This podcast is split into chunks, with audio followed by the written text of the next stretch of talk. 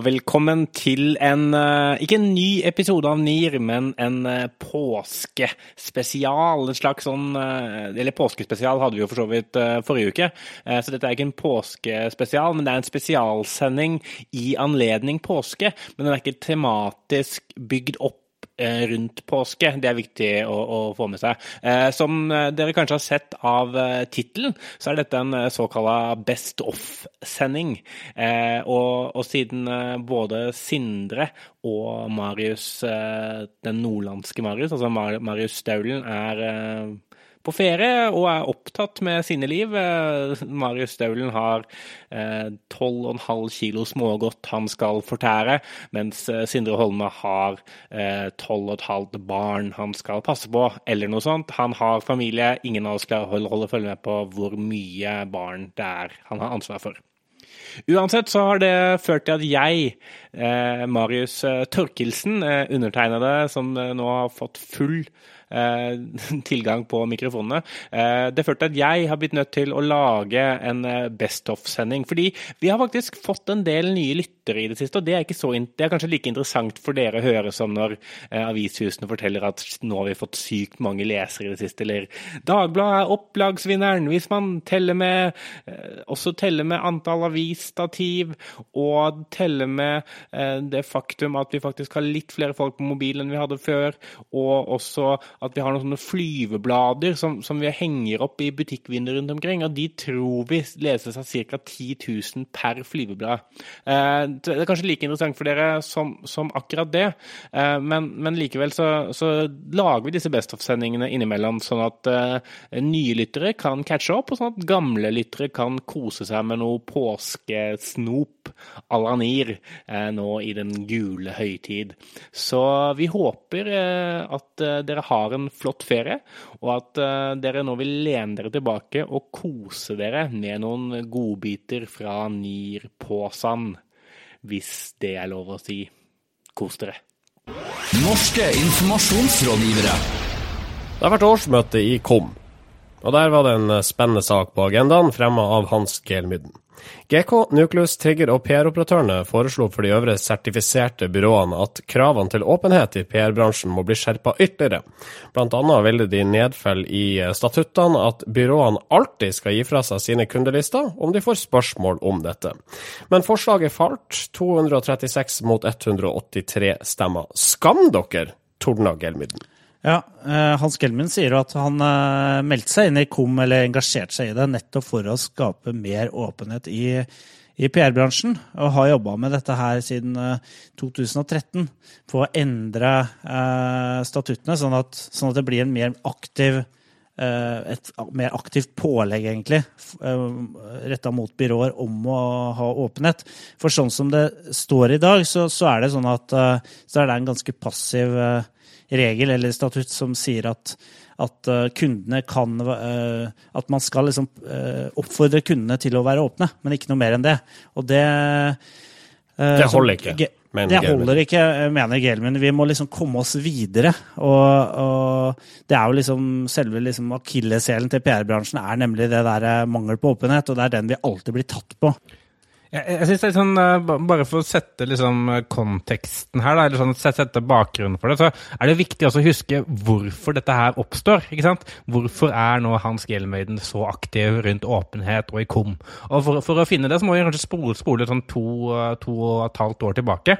Hvor eh, First House jo vokser jo fram som en utrolig stor spiller, og de stjeler en del kunder og ansatte fra eh, Gelmøyden Kise. Eh, så Game Kise trenger jo da en differensiering. De trenger hva er det de er bedre enn First House på. Og det er vanskelig for dem å argumentere for at de er bedre på nettverk, at de er bedre på kommunikasjonsfaglige ting. Så de finner ut det at siden First House har så mange sensitive kunder, de jobber med mye forsvarskunder og kunder som ikke nødvendigvis kan være så åpne rundt at de bruker kommunikasjonstjenester, så tenker Gelmeten Kise at vi kan jo være åpne om en del av kundene våre, fordi vi har mye markeds-PR-tjenester. Derfor velger da Gelmeten Kise åpenhet som differensieringspunkt mot First House, for å kunne angripe First House i en sånn offentlig debatt på kampanje. Og Gelmeten går jo hardt ut mot, mot First House. Og så For å bygge troverdighet rundt alt dette, her, da, så melder han seg inn i KOM. Og fremmer dette her inn i komp, nettopp for å få først- Første han gjorde, var måte å foreslå at First House skulle bli kastet ut. Eh, Det fikk, fikk han ikke KOM eh, med på. Eh, Men nå altså, har han også foreslått dette her, ikke fordi nødvendigvis at han håper det skal gå gjennom. for Han vet jo at sånn som Sync, eh, First House, Gambit, Mørland altså, Det er en del- byråer som ikke vil støtte det uansett, men bare for igjen fortsette å porsjonere Gelmaiden Kise på åpenhet, samtidig som han vet at det uansett ikke vil bli godkjent av KOM, fordi brorparten vil være mot. Så han er for åpenhet i teorien, men han trenger ikke være åpen. Det er jo genialt. Jeg synes er, jeg synes det er sånn, jeg det er sånn Og dette er, han kontrollerer det jo som altså Han er jo en puppet master. Jeg er jo helt overbevist om at dette er, eh, dette er grunnen til det. Eh, jeg vet ikke, altså. Jeg føler at her er det rett og slett ikke mer å si. Uh, på den ene sida så kan man jo si at uh, intensjonen til uh, Gelmuden Kise og de øvrige byråene som gikk i bresjen for dette forslaget, er nobel. På den annen så har Marius Thorkildsen selvfølgelig helt rett i at dette her er noe han sier bare for å tjene penger. Det er bare for å tjene penger. Det er liksom hans Underwood, dette her. Ja, nei, altså Nei da, altså. Da tar vi en tommel opp eller tommel ned for Hans Gelmuden, da. Det, ja, det Han er et geni. er geni, rett og slett. Tommel opp. Språksparta hos Niren. Ja, denne spalta kjører vi litt eh, improvisert, kanskje, i denne sendinga her. Fordi, Even, du hadde lagt inn noen kommentarer i sendeplanen, eh, og jeg leste uh, dit hen at du irriterer deg over en del eufemismer, og kanskje språkdekadens i eh, bransjen vi alle er en del av. Ja, jeg gjør det. Og, altså, jeg er jo jeg er jo en skadet og veldig syk person, så når, når jeg hører på andre mennesker snakke, så, så er det som oftest ganske smertefullt. Fordi de, de driver liksom og tråkker på og drær og herper språk på en sånn grusom måte. Jeg bare får lyst til å liksom bare kan, kan, kan, ikke du bare sette deg ned og holde kjeft, og så kan jeg bare ta og si det du tenker på? Og så kan jeg altså, gjøre det. her, er det her generelt? Altså uansett hva du prater Det er ikke så intenst alltid. Altså, da tror jeg jeg hadde dødd av hjerteinfarkt for liksom ti år siden. Men, men, men, men, men det, er, det er- det er noen, noen typer mennesker hvor jeg bare Jeg klarer det ikke, og jeg må gå ut. Jeg må lufte meg litt. Eh, jeg, jeg må bla litt i en ordbok, liksom, og bare roe meg ned. Ok. Um, eh, kan vi ikke ta et par ord, da? Eh, hva, hva er det som plager deg, Eivind? Omstilling. Omstilling. Ja, for Omstilling det betyr ingenting, egentlig. Eh, Det betyr det betyr vi har gjort noe feil, nå burde vi gjøre noe annet. Det er, det er ofte noe man sier hvis man har dritt seg ut. Eh, man har, hvis man har startet et eh, byrå som ikke har tjent noen penger og, og gått konkurs, og man, man omstiller det man gjør fra noe til noe annet, da, da er det, det er en omstilling, det er ikke en konkurs. Altså, det, det, man, det man sier da, altså, hvis, du, hvis du driver en bedrift og det gikk skikkelig til helvete i fjor, så, så sier du nei, altså 2014 var et, eh, var et omstillingsår for selskapet vårt.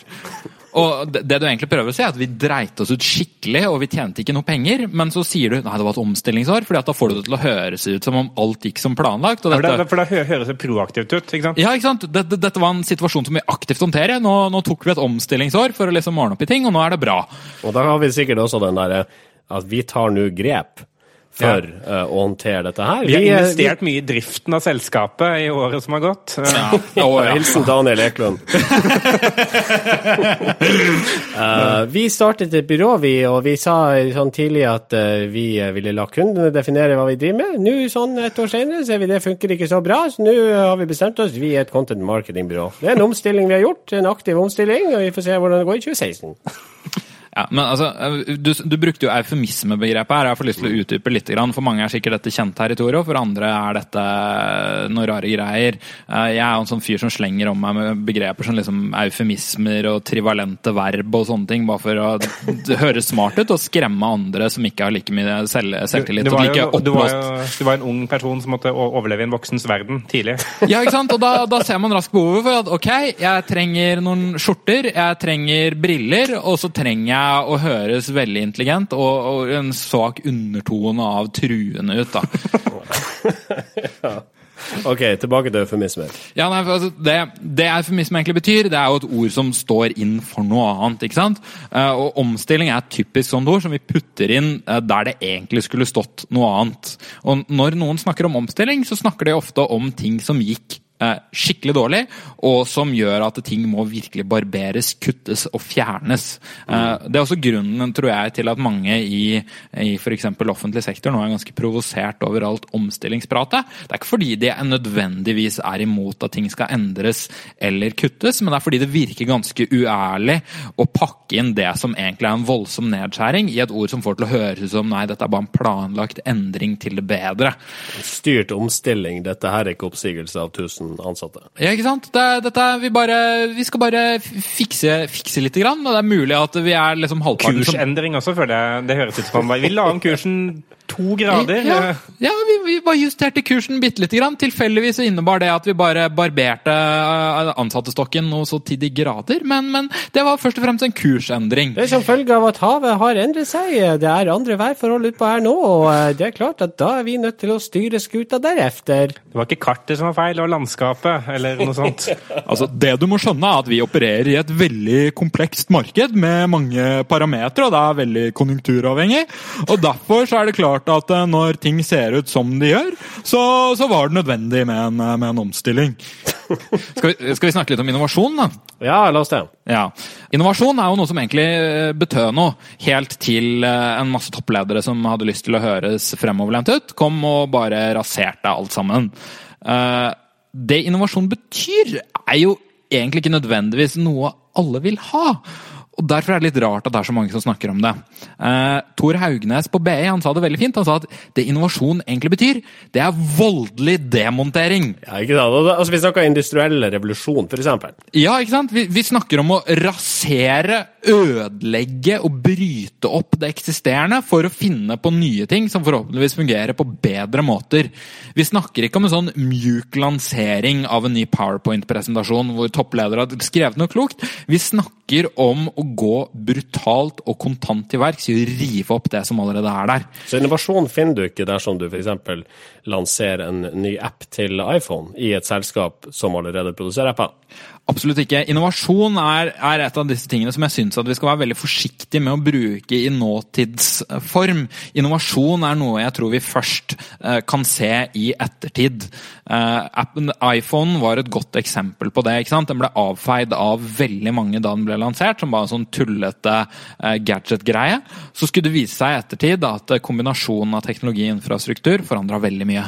Nå hører jeg det at den, altså den altså det fremoverlente, det fremoverlente, fremoverlente engasjementet du er blitt viden kjent for, Even, er i ferd med å eh, sprenge mikrofonen. Du faen. sitter eh, foran der, eh, men eh, Dette, dette skjer stadig. og det er, altså, ti, det er, Løst inventar har faktisk begynt å falle fra hverandre inn i leiligheten til eh, Torkelsen her.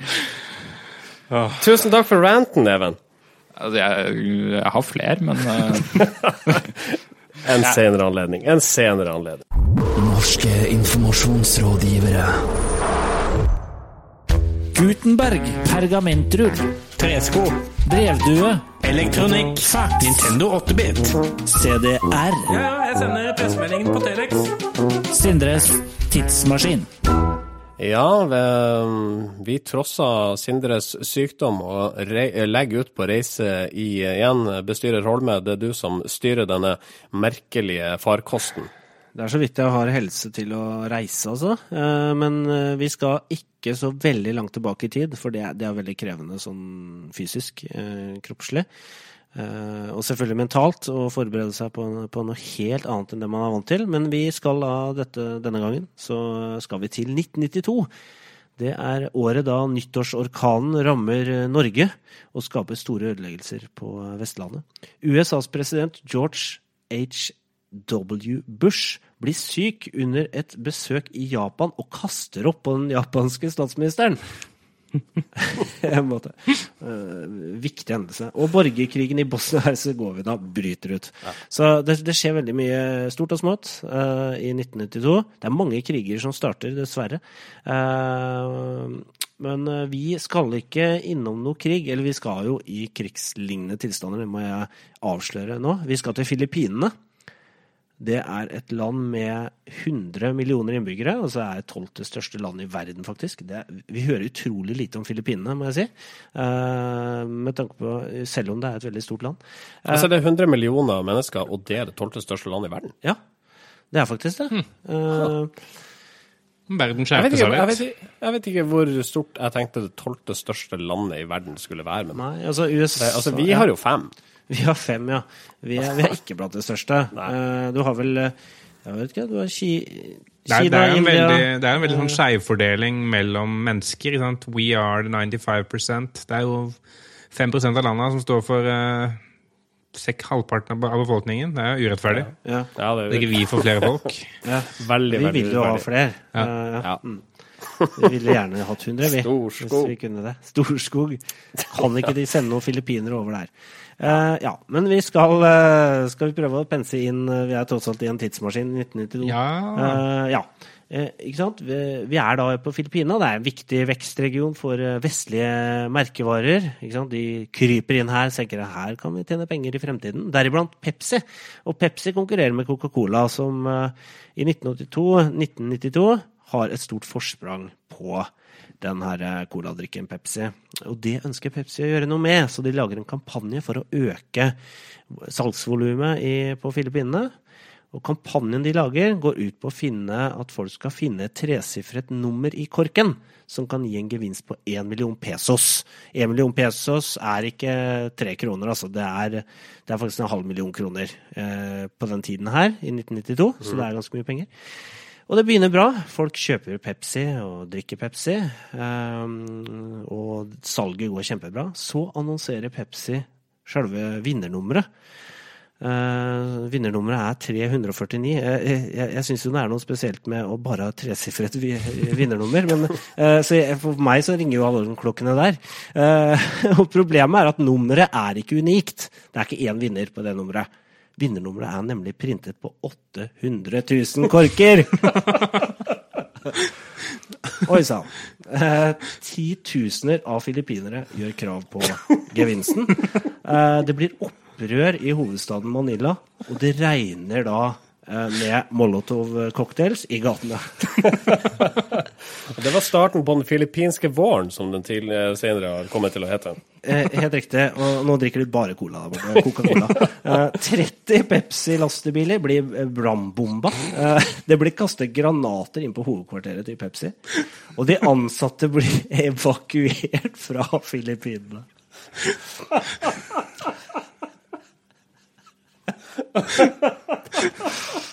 Så Og det er, det er den verste lanseringskampanjen som er gjort. Eller eh, i hvert fall ikke lansering, den verste kampanjen som er gjort. altså, Punktum.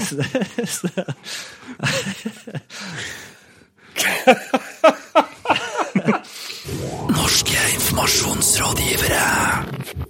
Satirekontoen Sosiale medier-eliten ble en stor snakkis i fjor, rett og slett fordi den gjorde narr av stort sett alle profilerte SoMe- og kommunikasjonshoder i Norge. Mannen bak kontoen heter Trym Stene, som HP Hansen eh, etter hvert kunne avsløre. Eh, Og eh, Sindre og Marius, dere har hatt godeste Stene i studio.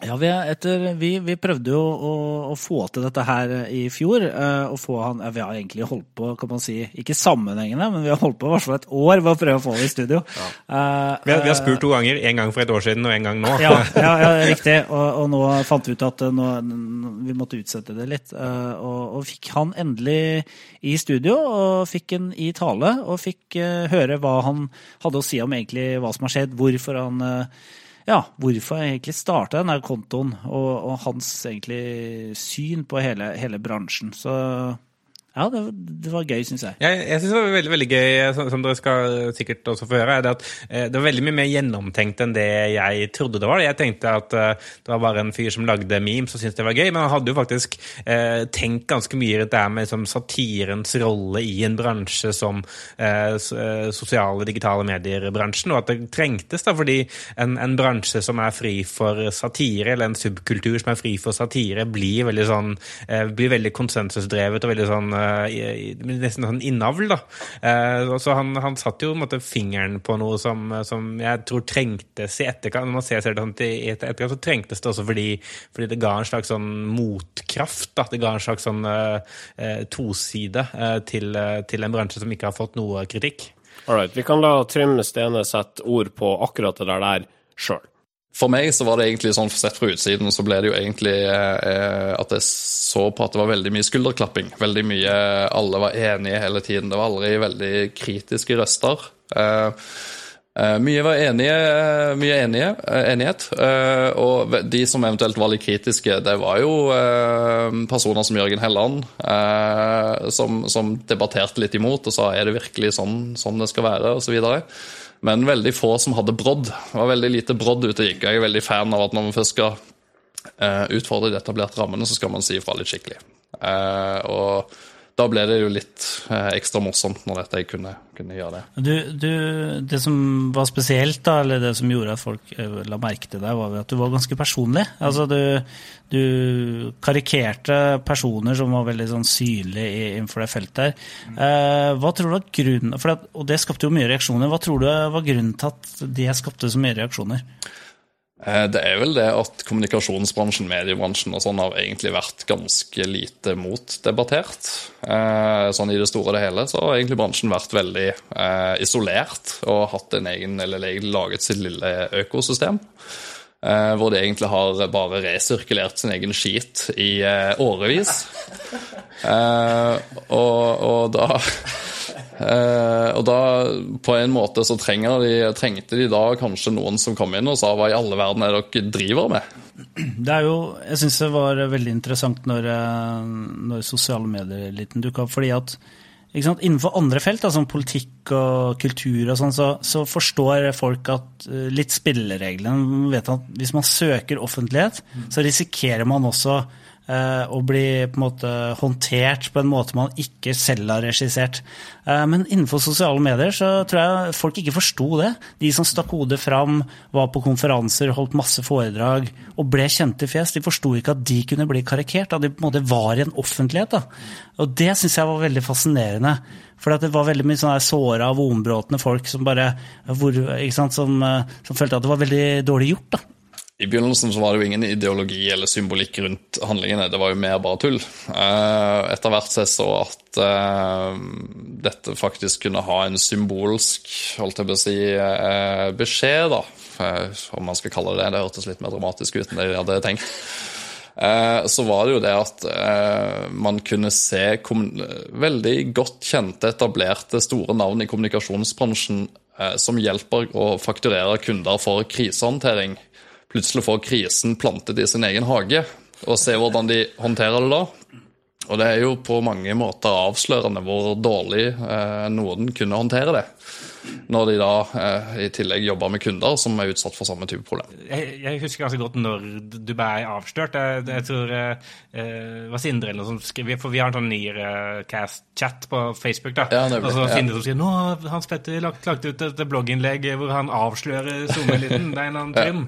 Eh, og så husker jeg bare hele, hele den, den, den beskrivelsen av hvordan da Hans Petter hadde gått fram for å finne ut av dette. og Det var ganske intrikat. Altså, sånn, det Ja, Litt sånn dybdejournalistikk, eh, Ja. graverende. ja. Teknikken kalles vel doxing, hvis man skal gå sånn rett på kjernen av det. Og det handler jo om å, å prøve å eh, prøve seg på ulike logins her og der, og samle informasjon, og så til sammen bruke den samlede delen av informasjonen. eh, identifiserer da, brukeren. Eh, noe jeg syns egentlig at de brukte veldig lang tid på. Eh, passordene til både Twitter-kontoen og Tumblr-bloggen var type Trine Grung med små bokstaver i ett ord.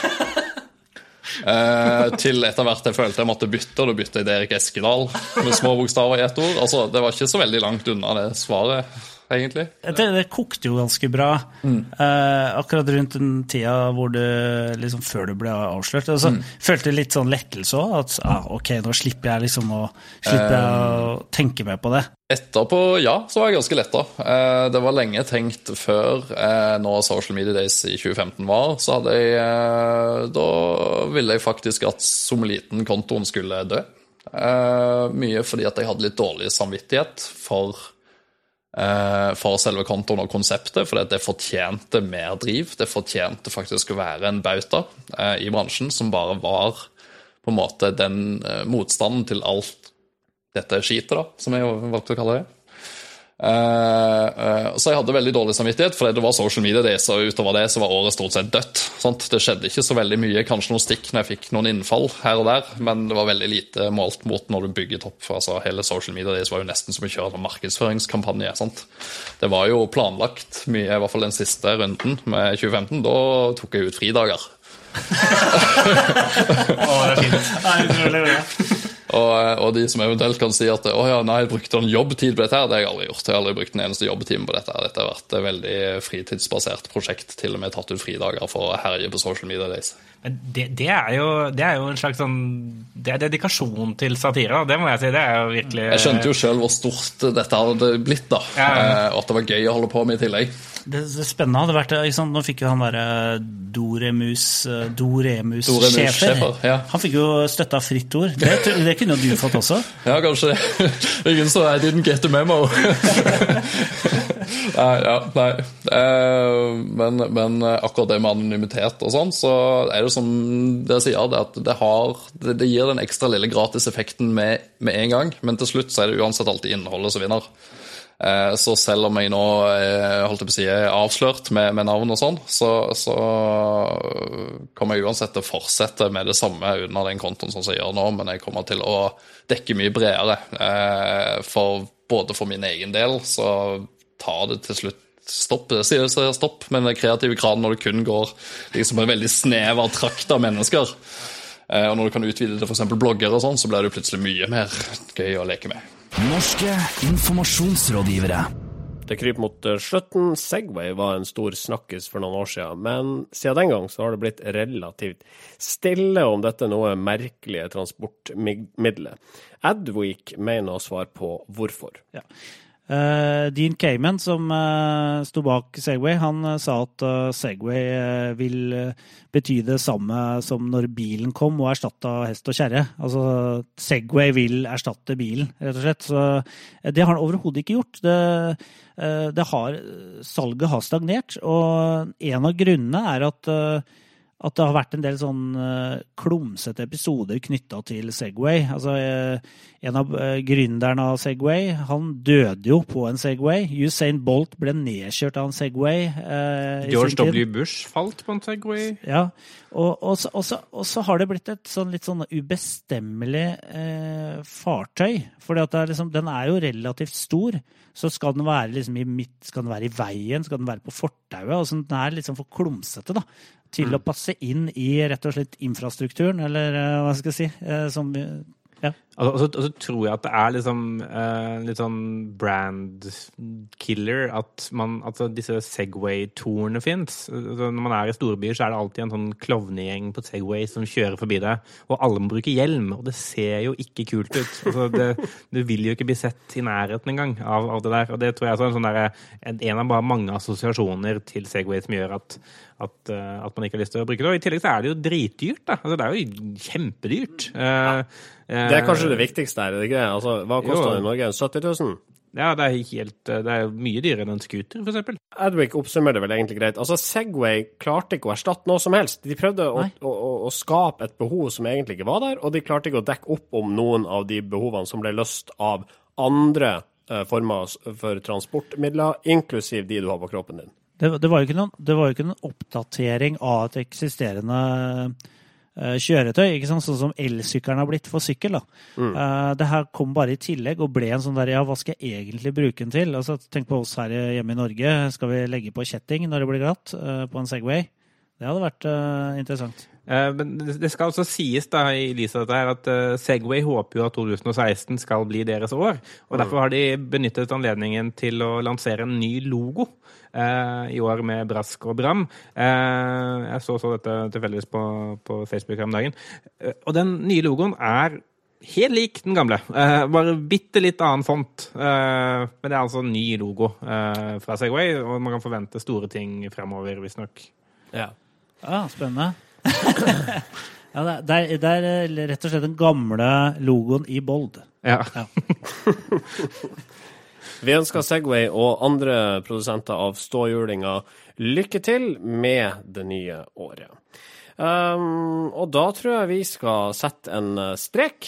Hei, hei, hei. Eh, da må jeg nok eh, stoppe deg litt, eh, Marius eh, Staulen eh, fra 2015. Eh, er det noen som skal sette en strek her, så er det jeg. Gjesteprogramleder og i, personen som er i fullt ansvar når det kommer til eh, påske-best off-sending, som akkurat du, kjære lytter, nå har vært gjennom. Og, og jeg håper at du har kost deg like mye som, eh, som jeg har kost meg med å, å lage denne best-offen til dere. Eh, hvis det er noe dere lurer på, så er det bare å ta kontakt med oss på nearcast at yahoo.no eh, eller på Facebook. Og hvis dere ikke lurer på noe, da, da er dere ikke nysgjerrige nok eh, som mennesker. Da, da ville jeg eh, tenkt meg om og tenkt hva, hva er det virkelig, hvilke spørsmål er det jeg har i, i livet etter å ha hørt denne sendingen? Eh, og så ville jeg eh, prøvd å gjøre noe med det. Om jeg nå prøver å være morsom med vilje? Eh, ja. Eh, om jeg prøver for hardt? Eh, ja. Det gjør jeg også. Derfor, derfor runder vi av. Eh, eller jeg runder av. De andre har ikke tatt seg bryet med å møte opp eh, til den eh, det tidspunktet vi hadde avtalt. Så da, da runder jeg av alene. Eh, vi er tilbake neste uke på samme tid og samme sted. Eh, eller eh, på tiden, den tiden og stedet som du velger. Eh, Podkast er et flyttbart medium. Eh, så, men vi er i hvert fall tilbake, og vi, vi håper at eh, du også er det. Tusen takk for at du lytter. Vi elsker at folk hører på oss. Eh, ha en flott påske. Ha det.